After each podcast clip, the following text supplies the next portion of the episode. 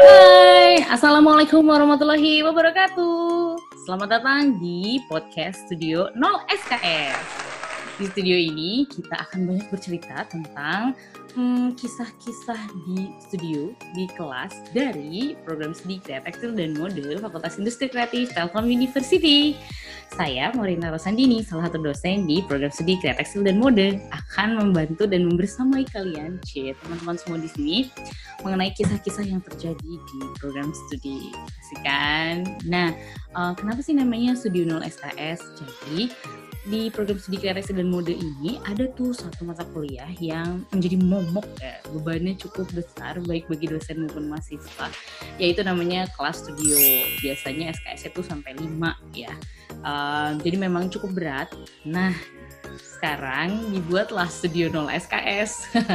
studio tanpa beban, studio tanpa nilai. Jadi siapa pun yang masuk di studio ini pokoknya bisa lebih bebas ya, tidak ada penilaian. Kita bisa curhat bebas, kita bisa cerita bebas. Pokoknya segala kisah yang akan kita ceritakan di sini tanpa penilaian dan tanpa uh, judgement apa pun ya. Jadi kita akan bercerita banyak hal. So di episode kali ini uh, kita kehadiran bintang tamu yang sangat spesial nih salah satu alumni kita angkatan 2015 yang pada masa uh, pada masa dia ber, dia berkuliah itu menorehkan banyak prestasi bagi prodi luar biasa.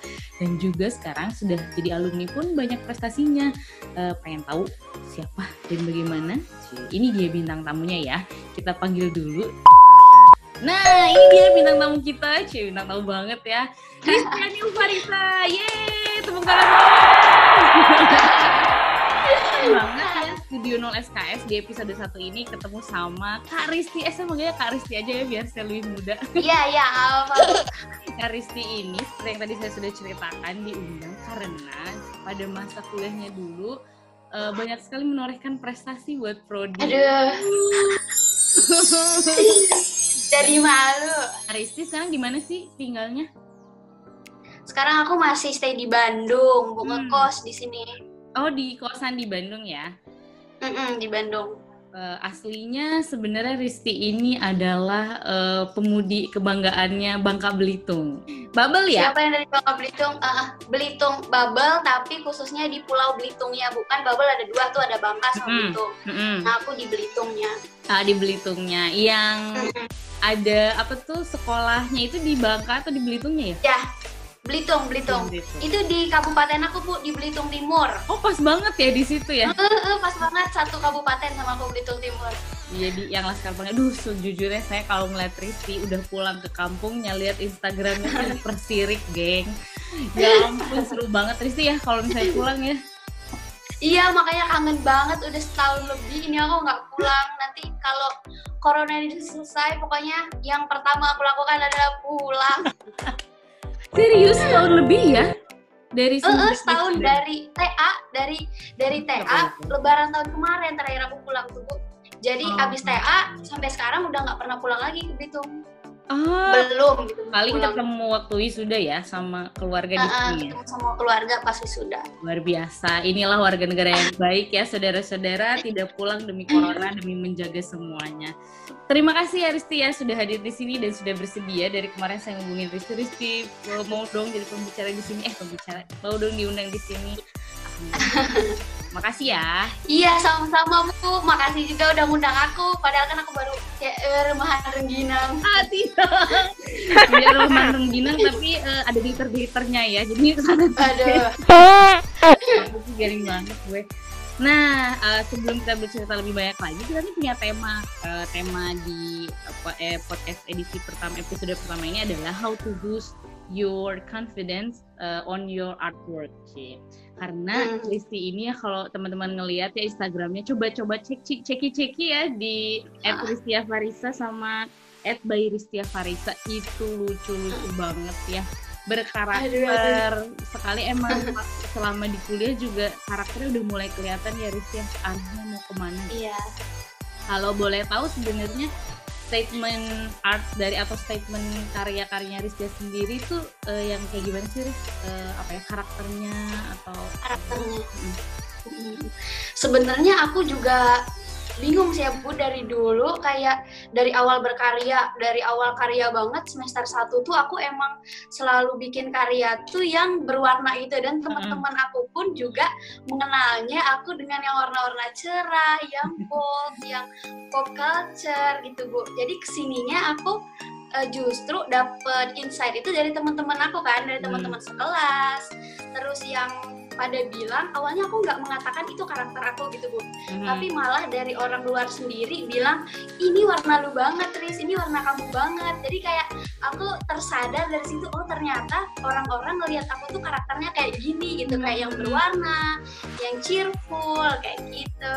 Jadi awalnya dari Risi sendiri yang kesukaannya gimana tiba-tiba teman-teman mendukung dan akhirnya terbentuklah itu ya? Uh, sebenarnya subjektif banget kan ya Bu ya kalau uh, berkarya dengan apa yang kita suka itu sebenarnya mm. subjektif banget mm. tapi ke sininya justru uh, itu jadi satu pegangan ke sininya baru belajar oh ternyata dalam berkarya tuh nggak boleh subjektif banget tapi mm. udah ada pegangan nih sukanya tuh arahnya ke mana gitu bener banget nah itu akan kita bahas kali ini ya bagaimana sih uh, cara atau tips supaya bisa me, me, apa ya, menumbuhkan karakter itu dan menjaga itu menjadi sebuah kepercayaan diri dalam diri. Karena uh, apa ya kendala mahasiswa kebanyakan gitu ya Riz ya apa nggak pede, terus belum nemu nih karakter kayak gimana gitu. Nah sekarang kita akan coba sedikit bahas. Sebelumnya pengen baca dulu CV ya, CV dari Kak Risti ini. Aduh saya ngebacanya udah deg-degan nih ya banyak banget prestasinya masya Allah tahun 2015 ini Rizky masuk di TELU tepat waktu kumlot juga ya. Wuhu. Rizky selama 2019 lulus dengan lancar dengan karyanya yang luar biasa yang juga terinspirasi dari daerahnya. Coba cek-cek ya itu TH-nya tentang apa di, di Open Library. Atau mungkin nanti kapan-kapan bisa cerita tentang TH-nya ya di YouTube-nya ya. Oh iya, boleh boleh boleh. Nanti oh, iya. aku menceritakan Asik. Kristi tuh punya YouTube ya, gengs ya.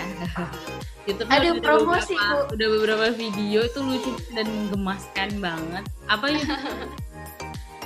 Namanya sama kayak nama Instagram aku Bu, Ristia oh, Farisa. Ayo, boleh dilihat, datengin ya. Ya, aduh promosi. aku juga di YouTube ada bahas-bahas tentang KTM gitu Bu, kayak dari hmm. semester 1. Pokoknya udah semester 4 aku bahas. Si... Soalnya lu, lumayan banyak, lumayan nggak banyak-banyak banget, lumayan ada yang suka nanya gitu loh Bu, hmm. tentang masuk KTM tuh harus bisa gambar nggak? Pokoknya hmm. banyak yang nanya deh buat yang uh, baru mau masuk gitu. Yeah. Makanya aku bikin channel YouTube itu buat sharing teman-teman biar udah pada nggak nanya, udah nonton aja YouTube gitu. Ih, luar biasa. Ayo datang ke Rizkia Farisa ya di YouTube-nya, channel YouTube-nya. Kalian pasti bakal dapat banyak insight di sana, sih. Di Instagramnya juga followersnya udah banyak banget ya. Allah berapa followersnya, Bu? Enam ribu ya? Enggak, enggak, enggak, baru dikit, baru dikit banget bu, baru dikit. Amo. Lalu. nah, lanjut ya. Ini baru baca CV ya, tapi sambil cerita-cerita lah ya. Nah, Risti itu pernah punya banyak pengalaman di bidang fashion tuh banyak mulai dari uh, pernah jadi wardrobe sponsor di The, The Vaganza Indosiar, di wardrobe Ivan Gunawan, Ria Ricis, uh, panggung gembira dan lain-lain ini kebanyakan di TV ya uh, waktu itu jadi hmm, wardrobe TV. Masa kuliah ya? Iya, waktu kuliah itu, Bu. Waktu iya, iya. semester 7, semester 8. Jadi pas kuliah, Risti udah mulai banyak juga uh, apa ya, berkecimpung di dunia wardrobe sebenarnya waktu itu ya. Mm -mm, udah mulai merintis. Oh, luar biasa. Bagaimana itu caranya ya? Coba tipsnya apa ya? Nah, karena uh, kalau untuk TV itu awalnya kan aku sering, bukan sering, beberapa kali ikut lomba, Bu. Hmm. Nah, kan bajunya itu lumayan apa ya arsi nggak arsi juga. Maksudnya nggak mungkin dipakai untuk sehari-hari gitu baju baju ini tuh baju yang buat lomba. Nah Bukan aku tuh berpikir ya? sayang uh -uh, sayang banget nih baju kalau cuman abis lomba terus nganggur yeah. kan? Nah uh, jadi pertama kalinya itu aku inisiatif buat ngehubungin salah satu wardrobe TV bu. Yang pertama kali itu uh, yang Indosiar itu. Hmm yang hmm, pertama kali aku uh, uh, pertama kali aku yang ngehubungin mereka yang menawarkan diri gitu bu. Hmm. uh, dan itu pun free. Jadi aku nggak dapat bayaran. Cuman dapat uh, feedbacknya dari mereka tuh ditulis gitu loh bu. Jadi ada kredit uh, wardrobe oh, iya, siapa iya, gitu. iya, iya, iya. di TV-nya ya ada tulisannya ya? Iya. Uh, uh, uh, di TV-nya jadi aku mah kayak ya udahlah nggak apa-apa banget gitu. Kayak ya udah deh nggak dapet fee. Yang penting uh, pengalaman dulu gitu. Baju aku masuk TV kan suatu kebanggaan banget gue dulu hmm, mah iya banget. Iya baju aku masuk TV iya gitu. kita ada namanya nah, lagi walaupun kecil tapi iya ada namanya gitu wardrobe. Uh, udah jadi kayak desainer beneran kan? Uh, uh. Nah, itu tuh pertama kali aku yang hubungin mereka. Hmm. Nah, ternyata Wardrobe TV itu mereka saling berhubungan gitu loh, Bu. Walaupun antar beda stasiun TV. Oke. Okay. Walaupun beda stasiun TV, tapi mereka berhubungan. Jadi saling ngasih-ngasih kontak gitu, Bu. Hmm. Jadi tiba-tiba padahal aku cuma ngehubungin satu wardrobe, tapi tiba-tiba seminggu atau dua minggu sebelumnya tuh wardrobe-wardrobe pada datang gitu, Bu, menawarkan kayak kerjasama mau nggak jadi sponsor kita gitu. Oh, tiba-tiba banyak yang akhirnya Iya, iya, ya? tiba-tiba kayak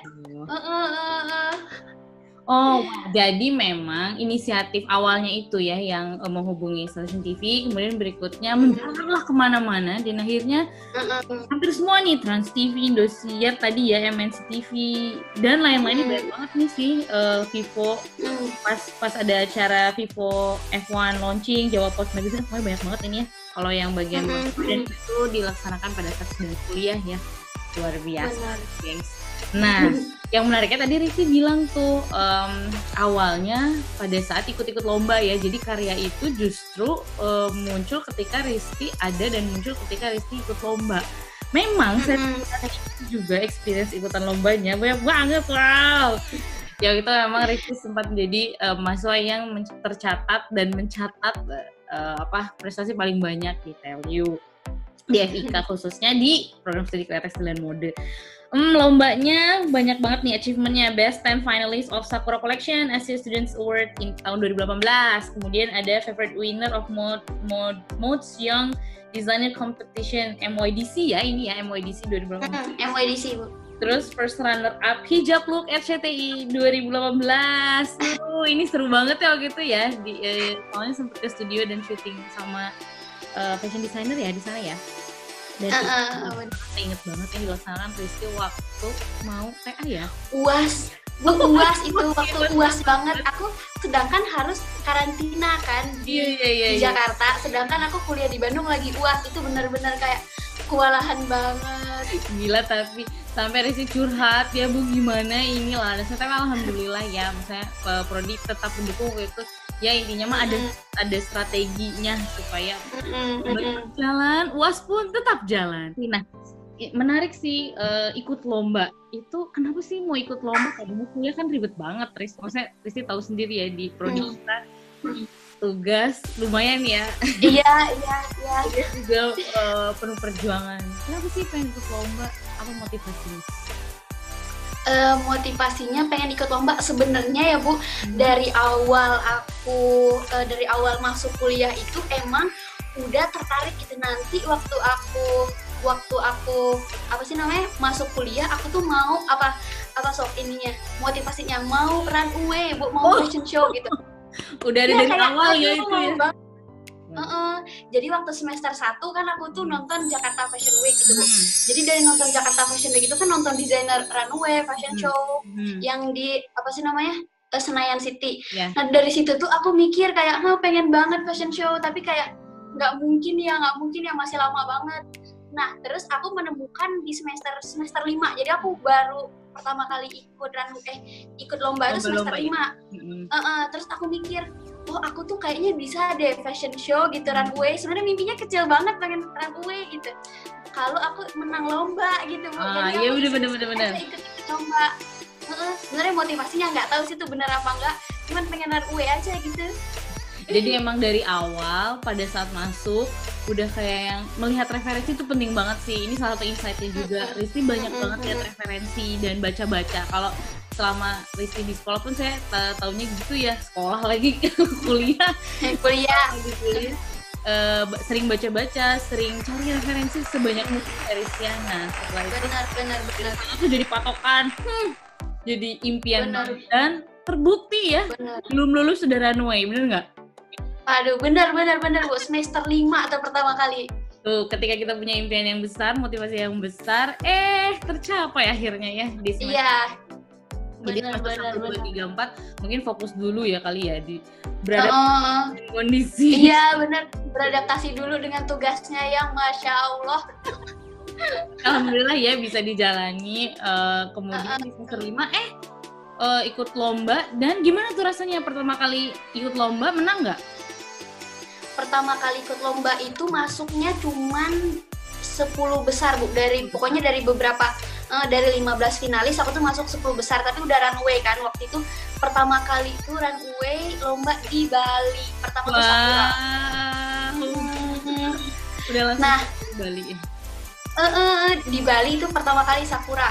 Nah setelah ikut yang pertama itu bu kayak muncul suatu apa ya tagihan gitu edik gitu bu pengen lagi pengen lagi pengen lagi jadi aku udah bilang kan sama teman-teman aku kan karena aku lumayan uh, kayak capek sendiri gitu bu udah bilang e, kayaknya aku nggak bakal ikut lomba lagi deh tapi kalau lihat poster lomba itu tuh gatel gitu pengen apply Iya iya iya iya ketagihan itu ya. Emang uh, ketika kita udah selesai ikut lomba terus apalagi sempat menyabet uh, apa ya juara atau minimal 10 besar mm kalaupun nggak menang juga biasanya tuh kadang suka ada penasaran banget ya nggak? Iya iya iya bener penasaran. Kayak sebenarnya kalau lomba itu nggak harus menang sih bu. Yang aku cari itu bener-bener aku banyak banget dapat dari lomba. Pertama aku dap dapat kenal sama orang-orang yang di luar kampus. Yes. itu bener-bener dapat insight baru dapat teman baru channel baru. Kan karena aku mikir kalau di dunia kreatif ini salah satu hal yang paling penting itu juga adalah channel. Jadi hmm. dari lomba aku bener-bener banyak gitu dapat channel baru teman baru gitu deh. Iya bener banget. Jadi uh, salah satu yang dikejar juga bukan hanya sekedar menangnya ya, tapi ternyata di, di balik itu ada yang lebih dari uh, lebih dari uh, menang itu sendiri yaitu channel itu sendiri. Sampai benar benar. Riz itu banyak banget kenalannya ya, dia hampir di seluruh pelosok Iya iya. Iya Iya bener bu, masih ada yang sampai deket sampai sekarang dan itu bener-bener sharing tentang fashion sekarang bener-bener hmm. guna gitu. Hmm. Kan kalau misalkan menang emang itu tujuan buat lomba tuh menang tapi sebenarnya bukan itu tujuan main utamanya. Sebenarnya kenal orang tuh lebih dari menang sih menurut aku. Wow kuat yang bagus tuh. Menang jadi tujuan tapi satu hal besar di depan sana adalah kita ketemu sama banyak orang ya Rizka saya sepakat banget sih jangan-jangan orang yang kita ketemui pada saat itu bisa jadi partner kita di masa yang akan datang. Benar benar banget benar banget benar banget. memberikan banyak informasi macem-macem berarti benar-benar hanya sekedar kenalan berarti ya tapi di maintenance, mm -hmm.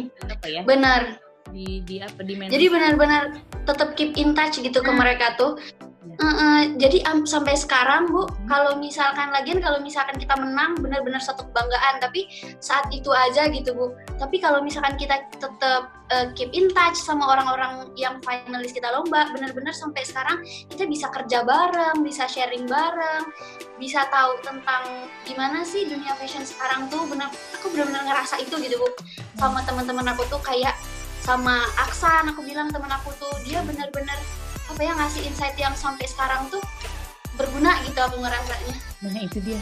Sepakat sih suka banget deh kata-katanya tadi. Jadi, aduh. Jadi uh, mungkin cuma sehari dua hari ya. Orang bakal lupa. Uh, tapi yang namanya dengan orang-orang yang ada di sekitar sana itu priceless ya Riz ya. Kita benar benar benar membawa kita wow sih jadi sangat terinspirasi juga nih ya. Ya menjaga aduh sangat penting ya Riz ya. Makanya iya benar-benar sekarang uh, apa ya karena komunikasi itu menjalin komunikasi dan lain-lain. Oh ini gengs ya. Jadi nggak cuma ikut lomba loh, nggak cuma ngejar sesuatu di depan sana, tapi hal itu yang mungkin kita bisa dapat juga akhirnya. Benar. Jadi sekarang Rizky lagi sibuk apa sih kalau saya lihat nih ya di Instagramnya? Rizky lagi sibuk uh, usaha. Uh, kenalin nama brandnya apa ya? Jadi aku tuh dari uh, semenjak uh, selesai TA gitu aku mm-hmm. nggak memutuskan buat kerja di orang gitu bu nggak ngeplay mm-hmm. jadi aku belum pernah ngeplay apply kerja di brand apa brand apa jadi emang aku memutuskan untuk fokus ngebangun brand sendiri gitu bu okay. nah yang pertama itu aku sekarang tuh megang Popils. Nah Popils ini sebenarnya udah aku bangun, udah aku bikin sejak aku masih kuliah sebenarnya. Oh iya. Tapi iya, itu iya, iya. Iya, iya. Lagi-lagi karena lomba, karena tugas kampus yang masya Allah, jadi uh, kepecah gitu bu. Jadi nggak terlalu fokus. Jadi buat kayak seneng-seneng aja gitu jualannya. Mm-hmm. Nah, jadi waktu itu Popils. Kayak apa uh, media untuk Risti menyalurkan iya. banyak hal ya di Popils itu ya? Iya benar. benar benar benar jadi aku bikin popils ini dari aku semester 5 bu sebenarnya jadi aku udah punya brand ala ala lah bilangnya gitu ya si popils ini dari kuliah nah semenjak selesai TA aku mulai fokus nih ke brand popils nah hmm. juga aku sekarang megang ini bu jadi aku bikin brand ala ala juga sama teman aku sama Wardah ah iya sama Wardah ya uh, jadi brand brand sebenarnya awalnya brand tas tapi ke sininya jadi kayak menjual apa yang lagi dibutuhkan gitu loh bu. Jadi brand Popils terus sepuluh. Mm, sepuluh. Dan juga aku sekarang tuh megang uh, sebenarnya brand saudaraku bu tapi aku yang handle gitu. Hmm. jadi belakangnya aku yang handle kayak ngurus kontennya terus ngurus produksiannya kayak ngehandle uh, belakang layarnya gitu. Wow. dia sih tukang jadi ada tiga sih kalau untuk yeah. brand bu ada Popil, Sepuluh, sama Yela Store namanya. Laya Store. Popils. Popils oke. Okay. Aduh malu. Udah terkenal. Popils Sepuluh. Sepuluh. Uh, terus Yela Store namanya. Laya. Yela, Ye. Yela, Yela Store. Yela nah, Store coba Kings ya di eh, di apa di follow Instagramnya di follow follow uh, Instagramnya di follow terus tuh aku juga ini bu sekarang tuh apa sih namanya selain yang ngurus tiga brand itu tuh aku ini freelance bu freelance oh. designer gitu oh iya hmm. di mana uh -uh. di ada namanya studio namanya Lud Studio jadi dia tuh studio produksian juga terus kayak nge jadi klien dia tuh brand-brand gitu loh bu. Brand-brand ya lokal brand lokal brand yang startup hmm. gitu-gitu. Hmm. nah suka klien dia tuh suka butuh desain gitu. Nah biasanya di dikasihin ke aku gitu desainnya. Jadi kayak ngerjain desain-desain beberapa brand gitu. Jadi freelance juga. Wow mantap. Jadi selain ngurusin brandnya yang ada tiga itu ya plus dan kesehariannya tentu saja jadi youtuber ini kayaknya ya. Waduh, iya um, uh, menyisikan sedikit-sedikit waktu untuk nge-YouTube. Bener banget. Dan apa ya, sebentar lagi jadi influencer terkenal, influencer terkenal nih kayaknya ya. Dari... Amin ya Allah. Amin. Nah, uh, apa berarti memang keberanian atau uh, membuat apa ya uh, brand itu sudah sejak kuliah ya uh, apa namanya mm, muncul. Nah sekarang alhamdulillah bisa uh, konsisten sampai sekarang masih ada. Itu buat teman-teman nih yang mungkin kuliah atau yang sudah selesai. Ternyata kita loh memulai usaha kita pada saat kuliah ya, uh, Riz ya. Benar. Benar, benar. Kalau memang tidak tidak ingin tergantung sama orang, tadi kan nggak kerja sama orang, pengennya sendiri. Nah itu bisa banget benar. dari kuliah. Eh, banyak hal banget yang Rizky lakukan ketika semasa kuliah ya. Jadi benar-benar demikian rupa oleh Rizky waktunya dan lain-lainnya hingga sekarang bisa membangun itu semua itu tabungannya dari kuliah ya Rizky sebenarnya ya. Uh, uh, jadi sebenarnya makanya aku suka sharing gitu ke teman-teman aku kayak kalau mau mulai bisnis gitu bu akankah lebih baiknya tuh dimulai kecil-kecilan aja nggak apa-apa gitu bu dari semenjak kuliah karena kebanyakan uh, dari teman-teman aku juga jadi berpelajaran juga. Kalau baru mau mulai saat udah lulus hmm. itu bingung banget bu. Harus mulai dari mana? Aku harus ngapain ya? Harus mulai dari mana? Kan juga eh, nggak uh, ketemu temen tuh benar-benar kayak kita uh, buntu aja gitu bu. Kalau kan kalau udah selesai TA pulang ke rumah terus nggak ketemu siapa-siapa kayak buntu aja gitu. Kan pas masih kuliah kita bisa sharing gitu ke teman-teman karena setiap hari ketemu kan. Hmm. sama teman-teman yang satu satu jurusan satu lingkup ya. lah gitu maksudnya. Hmm. uh, sama-sama ngerti gitu. Makanya aku bilang harusnya dimulainya pas masih kuliah sih. Itu waktu yang ya walaupun yang nggak gimana-gimana banget kecil-kecilan aja pokoknya mulai aja dulu gitu pas masih kuliah jadi pas udah selesai kita tinggal meneruskan gitu bu yang udah kita mulai. Nah mulailah dari masa kuliah. Karena bener banget sih pas kuliah tuh kita ketemu teman-teman. Inspirasi hmm, benar benar. Inspirasi banyak banget. Mungkin inspirasi bisa juga, hmm. juga dari tugas kuliah atau hmm. dari macam-macam ya dari teman-teman. Kalau udah selesai biasanya kayak dunia ini sepi gitu ya. iya iya iya. Udah nggak udah makanya kita juga bisa nanya ke dosen bu kalau misalnya nah, masih kuliah nah, kan dari kompeten kompeten kompetensinya masing-masing kayak ada dari dosen bisnis kalau misalkan kita mau mulai bisnisnya berhubungan dengan pattern bisa nanya ke ibu kan gitu. Kalau udah lulus kan kayak bingung gitu mau hubungin dosen tuh malu seget kayak gitu. Kan kalau masih mahasiswa masih tanggungan dosen jadi ya udah nanya-nanya aja gitu. Bener-bener jadi bisa konsultasi ya sebebas-bebasnya gitu.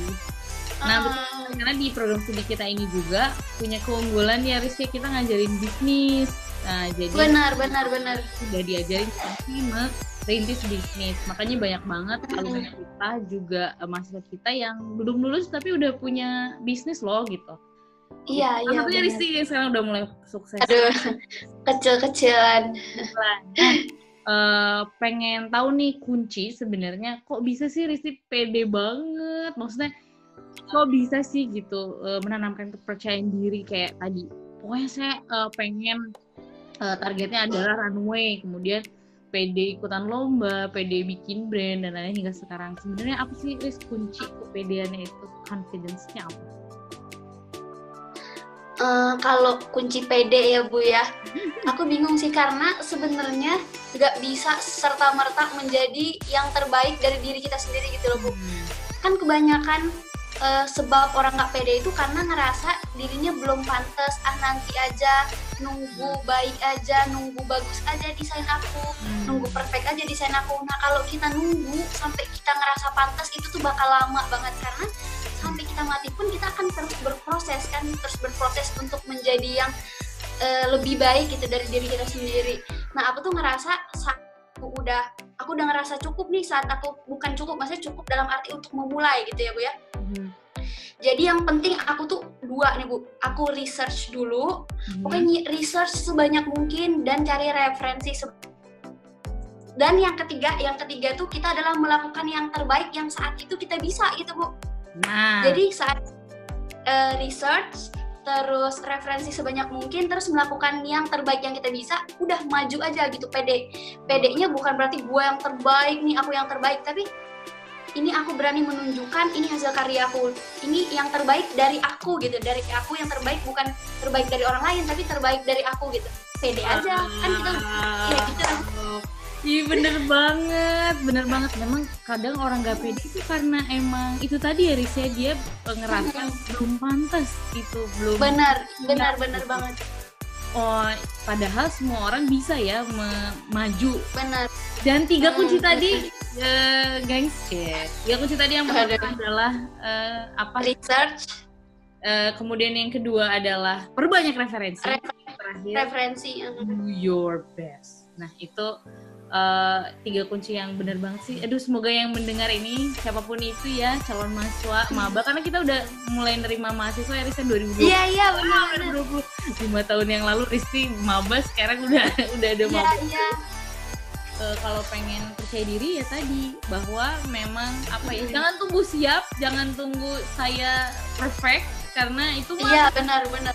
selalu berproses ini itu benar banget. Iya iya. Jadi do your best atas apa yang kamu punya. Tapi memang do your bestnya punya dasar ya enggak yang tadi mm-hmm. makanya saya bilang tadi Risti tuh seneng banget kayaknya baca-baca nyari referensi. Mm-hmm. itu penting sih ya. Apalagi kita masih iya, itu butuh banget yang namanya input-input inspirasi dari uh, apa ya namanya ya fashion, fashion designer yang lain atau dari majalah yang lain dan lain-lain Wow, tuh udah dapet tiga ya. Kemudian semoga ini semua jadi bisa terpikir iya juga ya. Gitu sih. Apa sih kesan-pesan Risti selama kuliah di prodi kreatif tekstil dan mode? Kalau kuliah di sini tuh kita kan kalau di fashion tuh banyak banget tekniknya kayak jahit, gambar, hmm. teknik reka rakit, reka latar, bikin pattern, bisnis. Nah di KTM ini bener-bener semuanya dikasih gitu bu. Jadi satu-satunya itu apa sih namanya jadi kita bisa banyak bisa dapat banyak gitu bu. Kalau kita kuliah di fashion design kan kita cuman ngulik desain aja tapi di KTM ini kita benar-benar diajarin dari nol banget dari gambar dasar banget dari jahit dasar banget dari bikin baju dasar sampai bikin kutur dari bisnis. Pokoknya belajar banyak deh pokoknya banyak dapat hal yang mungkin nih mungkin kalau misalkan ada beberapa orang yang bilang saking banyaknya jadi susah fokus. Tapi menurut aku karena banyak ini kita akhirnya jadi tahu dong nanti interest kita tuh ke mana. Oh kayaknya aku lebih ke bikin kutur deh. Hmm. oh kayaknya aku lebih ke pattern deh. Nah tugas kita uh, tugas kita ngefokusinnya tuh nanti gitu bu. Pokoknya sejauh ini pokoknya overall suka deh karena aku suka gitu. Jadi happy Yeay. gitu. Gimana sih? Kalian mau udah passionnya dari awal ya walaupun banyak tugas tapi karena mencintai ini dijalani aja. Dan alhamdulillah kita banyak input banget bener karena kita uh, belajar tekstilnya juga kan ya mulai dari pengolahan. Tadi belajar gambar itu jelas ya di tingkat satu diawalin dari basicnya. Kemudian setelah itu uh, mulai ke uh, apa namanya image ya karena sebelum menciptakan image tahu uh, bagaimana sih menyusun image dan bagaimana sih menampilkan image itu hingga ke tekstil pengolahan tekstilnya dan kemudian ke busana. Mm -hmm. emang banyak banget ya uh, akhirnya banyak kita, banget uh -uh.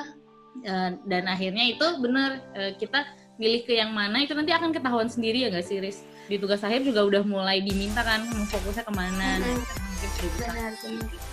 Wow, seru banget ya. Ini uh, banyak banget hikmah yang bisa kita dapatkan sebenarnya ngobrol sama kakak ini sih, kakak Riz. Aduh. uh, buat pak teman-teman, kita pokoknya nanti akan terus kedatangan tamu-tamu yang lain, entah itu dosen, entah itu alumni, entah itu mahasiswa uh, yang diundang di sini uh, untuk mendengar cerita-cerita mereka. Kalau saya bisa simpulkan nih dari uh, perbincangan kita, intinya adalah bahwa mimpi itu bisa dikejar kalau memang uh, kita punya apa ya keinginan yang kuat ya. Uh, pertama tadi keinginan yang kuat dan keberanian juga kepercayaan diri uh, oh, dalam diri kita sendiri. Uh, apa itu semua memang berasal dari diri kita nggak ya, Hereris ya? Punya benar-benar bu. Kalau saya lihat sih gitu tadi jadi keinginan yang kuat sehingga uh, niat yang baik juga dan akhirnya nggak tahu semesta mendukung aja ya. Tuhan mendukung iya benar. kita benar, benar. dan akhirnya antara terjadilah ya. Hingga mm-hmm. terakhir Riz ada nggak yang pengen disampaikan buat semua pendengar yang sedang mendengar saat ini? Uh, apa ya bu pesannya ya benar. Tadi kata ibu kalau kita bermimpi itu pasti bisa gitu. Selagi kita mau berusaha dan harus satu yang kita ingat gitu. Saat kita punya mimpi kita udah berusaha nanti hasilnya adalah tergantung pada alam. Bukan alam tergantung pada takdir. Tergantung hmm. pada uh, takdir Allah gitu takdir Tuhan. Jadi kita punya mimpi terus kita udah berusaha uh, kita harus percaya diri harus optimis. Iya tapi untuk hasilnya kita serahkan benar-benar hanya kepada Tuhan yang Maha Esa Waduh. Jadi hmm. benar-benar nggak boleh, maksudnya nggak boleh harus gitu bu.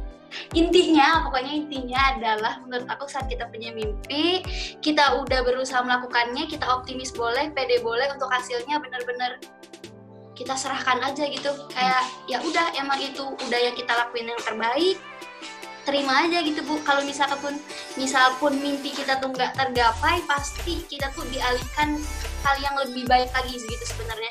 Nah itu sih ikhlas kali ya terakhir ikhlas ikhlas ikhlas nggak boleh terlalu terlalu gimana ya terlalu harus banget mimpi aku tercapai aku harus banget menjadi ini gitu. Karena kan kita nggak tahu gitu Tuhan menakdirkan kita tuh sebenarnya yang terbaik tuh apa yang terbaik tuh seperti apa gitu. Jadi lebih ke kita berusaha tapi untuk hasilnya ya udah gitu. Nah, jangan yang terlalu gimana gimana juga. jadi tersadarkan. Uh, ini pertanyaan terakhir ya ini beneran terakhir. Dan saya jadi tersadarkan dari uh, statement yang terakhir. Uh, Risi sebenarnya pernah nggak sih um, gagal gitu dalam kan sebenarnya kemarin-kemarin tuh banyak berhasilnya tapi pernah nggak sih menghadapi kegagalan?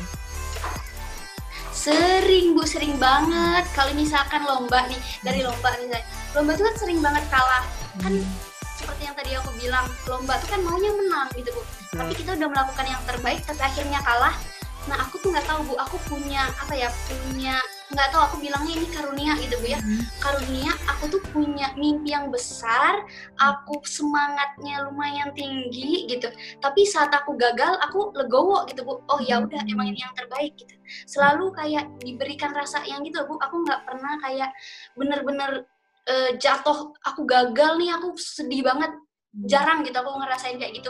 Saat aku gagal oh ya udah emang ini Allah ini maunya gini emang ini yang terbaik buat aku gitu. Jadi dari sama kayak bisnis juga nih bu. Bisnis hmm. juga. Kan orang-orang uh, suka nanya kak Risti gimana sih su uh, sukses kayak gitu? Sukses kayak gitu gimana kak? Padahal orang-orang nggak tahu kan di belakangnya aku belum sesukses itu income-nya belum seberapa gitu. Tapi kayak dari situ sebenarnya nggak bikin jadi down jadi semangat aja gitu bu bener banget sih. sepakat nerimo ya kuncinya iya nerimo. Jadi mau uh, yang tadi saya sebutin memang Risti banyak uh, menang lomba. Tapi the, yang diikutin juga lebih banyak lagi dan gagalnya juga ada ya Riz ya? ada ada banyak malah gagalnya bu. Dan tapi iya udah gitu loh go aja. Emang itu yang terbaik gitu. sepakat sepakat sepakat banget Riz memang menerima itu nggak uh, apa ya gampang diucapkan tapi sulit dilakukan. Mm-mm. tapi ketika itu benar Mm-mm. dilakukan rasanya plong banget nggak sih? Plong banget plong banget. Jadi terus kita udah uh, ready untuk selanjutnya. Apalagi nih selanjutnya gitu semangat buat next stepnya gitu bu. Iya bener banget. Tuh ya guys teman-teman semuanya yang sedang mendengarkan ini kita disadarkan lagi nih dari perbincangan ini. Ada hikmah satu hal lagi bahwa memang impian itu bisa kita capai ketika kita memang punya niat yang kuat, passion yang kuat. Tapi Mm-mm. ketika impian itu tidak tercapai, ya jangan jatuh ya. Berarti iya benar ini adalah terima, ikhlas, lalu bangkit lagi. Itu sih mungkin ya. benar benar benar benar Karena pasti ada rencana lain yang lebih indah lagi buat kita. Ayo pasti pasti eh. harus percaya pokoknya selagi kita udah berusaha kalau gagal pun nanti akan dibelokin ke jalan yang mungkin lebih tinggi dari apa yang kita impi-impikan gitu bu bener mungkin aja kan Bener banget. Iya iya, ada jalan lagi di sana yang untuk kita yang terbaik. Wah, seru banget hari ini ya. Selain cerita tentang pengalaman Rizky, banyak banget eh, apa ya hikmah hidup yang bisa kita ambil dari sini. Sampai ketemu lagi bersama saya Morinta Rosandini dan juga Pristia Dewa Farisa sampai ketemu di episode berikutnya. Assalamualaikum warahmatullahi wabarakatuh. Makasih banyak ya Karistia. sama-sama bu